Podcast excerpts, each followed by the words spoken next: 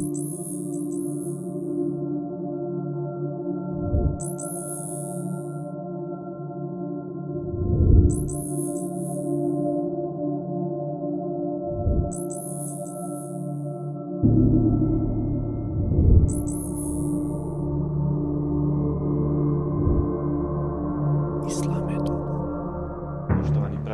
Islamedu podcasta i naše platforme. Assalamu alaikum i dobrodošli u još jednu epizodu.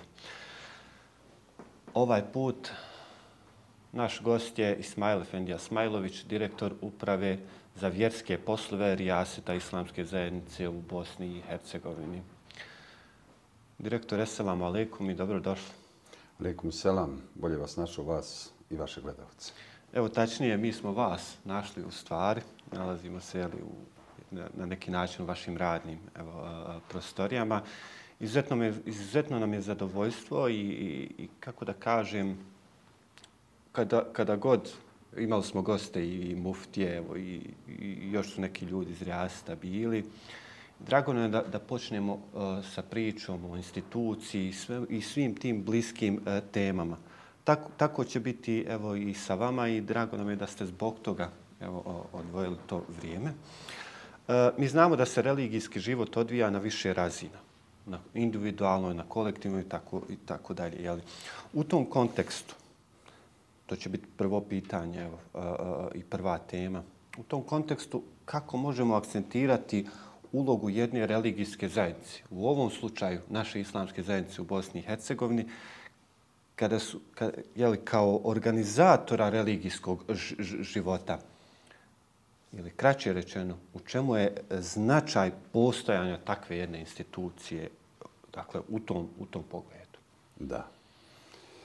Pa vidite, vjera je ljudska priroda i mi ćemo muslimani i kazati jer vjerujemo da kako ljudski rod je dženeckog porijekla, tako i čovjek Božim stvaranjem je rođen ili stvoren sa vjerom.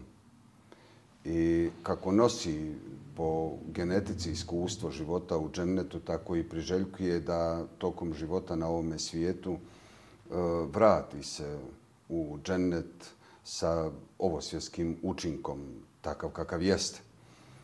I zato nije nama teško kada govorimo o vjerskim i vrijednostima i svijetostima, sa razumnim ljudima opredjeljenim da saznaju. Poteškoće se stvaraju i nailazimo na njih kada nailazimo na osobe koje je šeitan odveo e, iz ovih kvaliteta vjerskoga, pa ne mogu da spoznaju te vrijednosti i ne mogu da iz sebe iznesu e, te vrline koje jeli, vjera jednostavno svojim postojanjem u čovjeku treba da emanira. Tako da eh, nama kroz eh, misiju ili ja bih kazao eh, osnovno opredeljenje ne predstavlja poteškoću da potičemo tu vjersku kvalitetu u svakoj osobi, a onda preko toga i određenim metodologijama i u društvu ili ljudskoj zajednici u cijelini. E, drago mi je da ste podsjetili na neke suštinske e, e, vrijednosti, a što se tiče svih tih vrijednosti, a što se tiče i te organizacije jeli, koju realizira islamska zajednica, naravno religi, islamska zajednica se bavi pit, odgojno-obrazovnim pitanjem. Evo, vaš neki dodir je možda više što se tiče odgoja i obrazovanja, mektepskog uzrasta, da tako nazovemo. Drugi se malo više bave jeli, srednjoškolskim, to je medresama i našim e, islamskim fakultetima i tako dalje. S obzirom da islamska zajednica u Bosni se bavi i time. Dakle, ali osim toga, ovo naglašavam posebno, nastoji podržati i, i, i obezbijediti jel, što u svom okrilu, što u cijelom društvu različite vidove odgoja i obrazovanja. Šta je to što nudi koncept islamsku, e, islamski koncept obrazovanja ovom savremenom svijetu ili nekim modelima odgoja i obrazovanja prisutnim u savremenom svijetu? Živimo vrijeme i naše realnosti ove generacije koja treba dati odgovore na ona dostignuća koja će se imenovati civilizacijskim dostignućem. Kroz e, jeli, razvoj ljudskog roda mi smo imali nekoliko industrijskih revolucija koje su bitno uticale na život ljudi i imamo dakle već stotine godina iza prvu industrijsku revoluciju koja je načinila stroj mašinu, da bi već možda sada živjeli u četvrtoj industrijskoj revoluciji, a zadnje tri su bile gotovo u zadnjih pola stoljeća. Dakle, toliko se ubrzava dinamika života i ljudi imaju i obavezu i potrebu, pogotovo umni ljudi, obrazovane osobe, da daju odgovore na ono što je njihovo civilizacijsko dostignuće. E, tako da i mi unutar islamske zajednice kada promišljamo bilo koju razinu e, poučavanja, u ovom slučaju jeli, porodičnog, mektepskog, predškolskog ili mektepskog i konačno e, vjersko opredjeljenje je da odgoj i obrazovanje je cjeloživotni proces. I mi ne možemo se odvojiti ni u kojoj fazi e, ljudskog života od e, odgojne dimenzije, a učenje je propis i obaveza. Naravno da smo suočeni sa realnošću kada granica odgojne djelatnosti, ili da kažem odgoja uopće, e, se spušta. Dakle, u smislu organiziranog e, sistema učenja, odnosno obrazovanja kao takvog u društvu, e, I ono je došlo gotovo u period puberteta. Ili možda se ta granica ima trend spuštati i niže u neki predškolski ili jeli, period djetinstva. E, moramo biti svjesni e, toga da e, iz pozicije vjerskog, islamskog i tradicije, dakle muslimana, odgojni proces je celoživotni kao i učenje samo intenzitet odgojnih lekcija nije isti u djetinstvu kao što je to u zrelijoj dobi. E, ali ga ne bi trebalo isključivati ni u najzrelijoj dobi kada osoba treba pokazati kvalitetu kulture življenja kao plod odgoja koji je stekao u određenoj fazi. E, ključna i temeljna stvar kad je ova tema u pitanju ili vaše pitanje, e, jeste da razumijemo da je odgoj druženje i da je to proces koji je neodvojiv od neposrednog rada. E, mi imamo danas e, činjenicu da se određena naučna i akademska zvanja mogu postići, a da nikad osoba ne vidi svoga profesora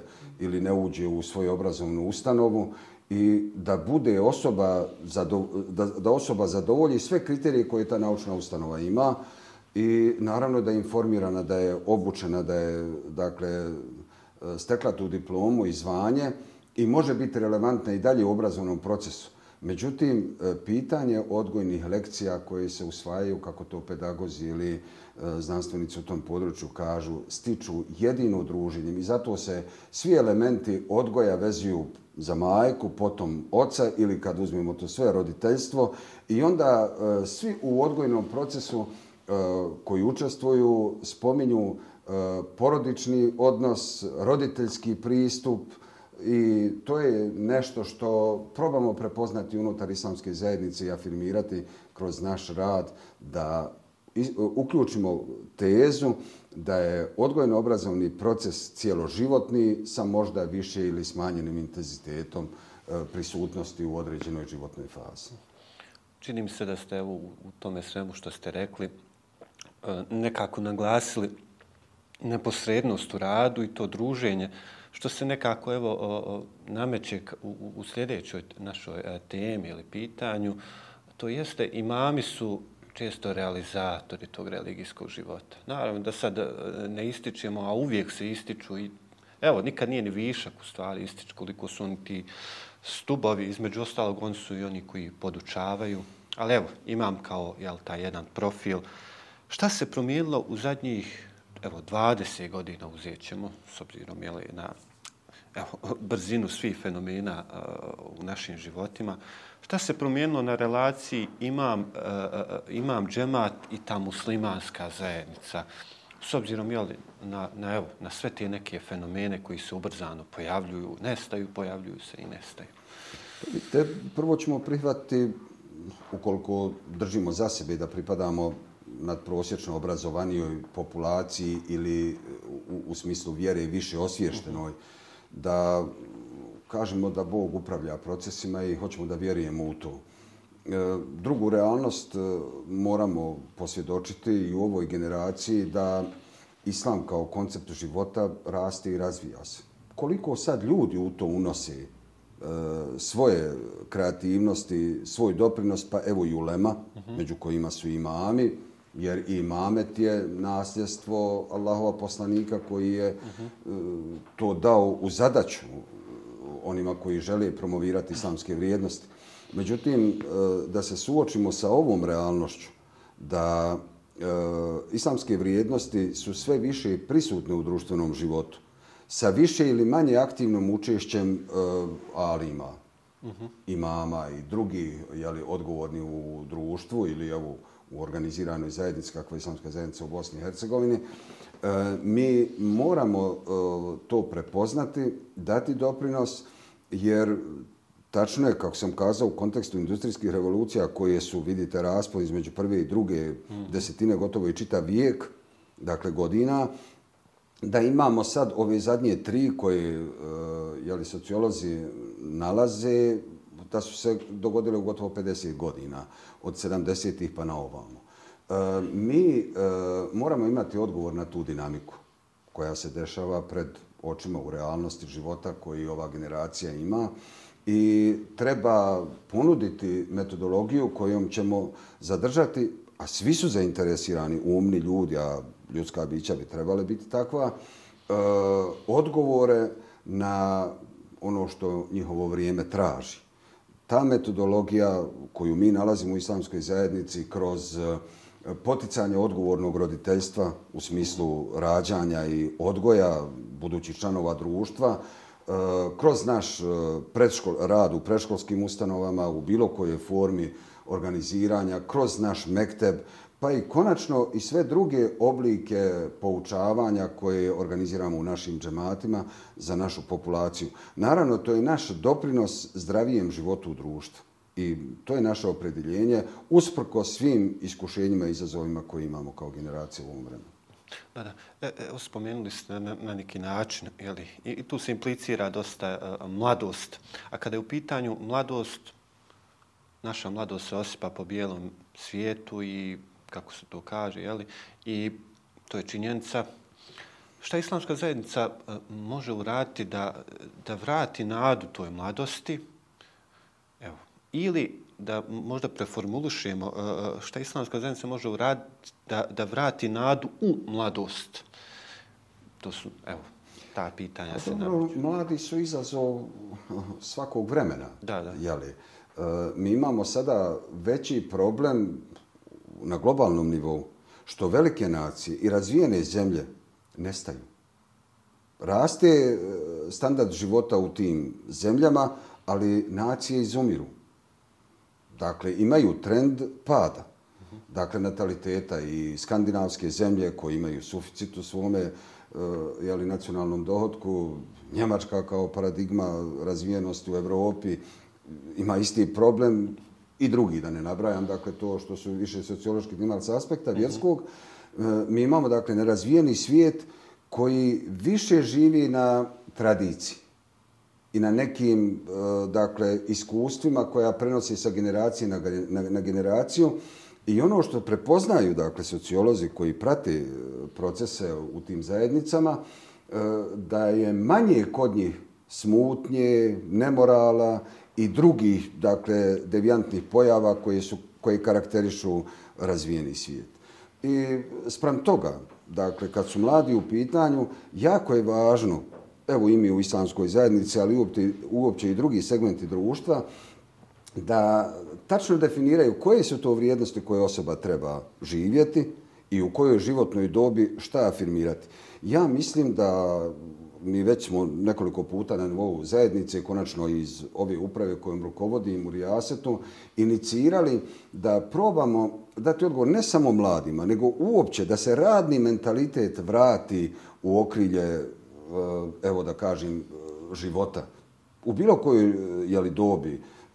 Mislim da pripadamo generaciji, evo, ja možda nešto starijoj, vi nešto mlađoj, ili to između što je, E, kao generacija čefa. Treba nešto sve instant, na brzinu postići i samo mi trebaju žici.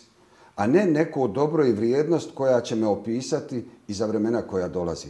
Pa vidite, dakle, to su naravno nadprosječne osobe, ali i prosječni su znali praviti javna dobra i česme, Čekrčija u Sarajevu, dakle, napravio džamiju, ona je napravio han na onome putu da ima neko svratiti i besplatno konačiti, ona je javnu kuhinju na onome mjestu, dakle, džamije čobani gradili u neka vremena ili danas, dakle, farmeri i tako dalje, da ne iznosim te činjenice koje govore o mentalitetu ili kvalitetu života koji su imali e, ljudi u ranijim generacijama, koji su imali svijest šta znači e, opće dobro i šta znači vrijednost koju oni u sebi nose i trebaju e, ostaviti trag iza sebe da se o njima govori.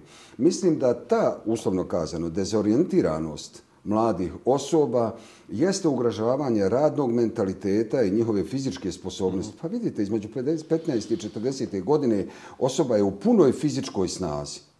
I ukoliko tada društvo ne bude nametnulo određene kriterije ponašanja koje će biti od opće društvenog značaja, onda će ona imati problem. Jer to je fizički najjača populacija. Stariji se ne mogu nositi fizički sa tom dakle, e, snagom. Mladi su nejaki, još uvijek ispod 15 godina. Dakle, za tu dob treba imati odgovore koji će, a tačno je da mi muslimani vjerujemo da u tom konceptu imaju vrijednosti koji mogu, jer konačno i oko poslanika, ali i se nam se mladi vezali iz ove životne dobi 15-40 godina. Mi imamo, dakle, i u našim generacijama koji su živjeli ispred nas, dobra koja su ostavile mlade osobe i muške i ženske populacije. Ovdje se ne može, dakle, polno razdvajati. Mi imamo značajne vakfe, naše žene koje su ostavile ta dobra, dodatno što je njihovo najveće dobro čestit porod i odgojen porod, dakle, u, u, toj populaciji. Zato možda moja ključna teza u ovome vašem pitanju jeste da se svim dobima, posebno mladima između 15. i 40. godine životne dobi, e, vrati radni mentalitet u fokus njihove pažnje. Da. E, ta priča, čini mi se, otvara jeli, jedan širok spektar tema, između ostalog i tu detekciju problema, odnosno priču koje su to promjenljive, koje su nepromjenljive vrijednosti bez obzira na vrijeme u kojem, uh, u kojem živimo. Tako da mi je drago da se spomenuli nekoliko jeli, uh, primjera u vezi toga. Uh, evo, volio bih da zaključimo ovaj naš razgovor sljedećim. Kada biste izlagali ovdje neke, izdvojili neke pokazatelje značaja institucije islamske zajednice u pogledu očuvanja identiteta muslimana, bošnjaka, šta biste rekli? Pa vidite, prije svega, ako govorimo o nacionalnom pitanju, e, u istinu onda islamska zajednica ne može biti jedina koja da. treba e, ukazivati na značaj nacionalnog identiteta. Ako uzmete u temelju islama kao koncepta življenja, on je globalna razina i nadnacionalna. Znači, nama je i bošnjaštvo drago zato što o tome brinemo kao narod na ovome prostoru i prije svega smo islamska zajednica bošnjaka, pogotovo onih koje tretiramo u našim džematima u dijaspori. Međutim, e, islam kao koncept života je nadnacionalan. I on podjednako tretira i nebošnjake. Dakle, u bilo kojem njihovom nacionalnom izražavanju. Ali islamska zajednica ovdje doprinosi svim onima i aktivno učestvujemo u projektima koji e, realiziraju programe ili projekte od nacionalnog značaja za Bošnjake. Ne ugrožavajući, ne pocijenjujući dakle, druge nacije, pa makar se i drugačije vjerski izražavale. Konačno, uzvišni Allah u Koranu objavljuje da trebaju se te nacionalne vrijednosti doticati i međusobno upoznavati. I ja mislim da koncept razmjene iskustava koji je prisutan u, i u ranijim generacijama sve do poslanika, možemo kazati do prvostvorenog čovjeka, Adem Ali Selam, jeste razmjena iskustava. Dakle, poslanik šalje svoje delegacije izvan područja Medine da vide pa trgovačke karavane, nose iskustva po sajmovima i tako dalje. Dakle, u svakom periodu i u svakoj fazi civilizacijskog dakle, razvoja ili toka e, imamo tu razmjenu iskustava koja je vrlo važna i za ovo vrijeme.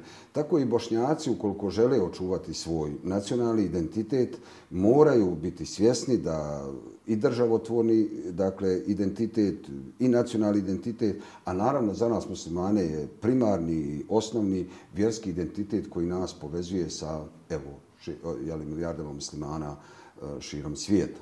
E, tako da onaj, e, prihvatit ćemo izazov da se uključimo u ono što stvarno dobri bošnjani kojima pripadamo imaju te vrijednosti koje su se prepoznale i u konceptu islama kao načinu života i da te vrijednosti probamo afirmirati i kroz rad islamske zajednice. Dakle, vjerski identitet, nacionalni identitet i državotvorni identitet su tri neodvojive paradigme koje treba afirmirati u našim okolnostima. Pa, evo, možda još nešto naumpade mi dok ste govorili. E, spomenuli se razmjenu iskustava. To je nešto na čemu se temelje civilizacije. I u tom kontekstu, mislim, e, džemati islamske zajednice su, to treba naglasiti, od Amerike do, do, do Australije. I taj koncept, koncept rada islamske zajednice je našao svoje mjesto i u tim, tu, i u tim društvima. To je vrlo, vrlo znakovito.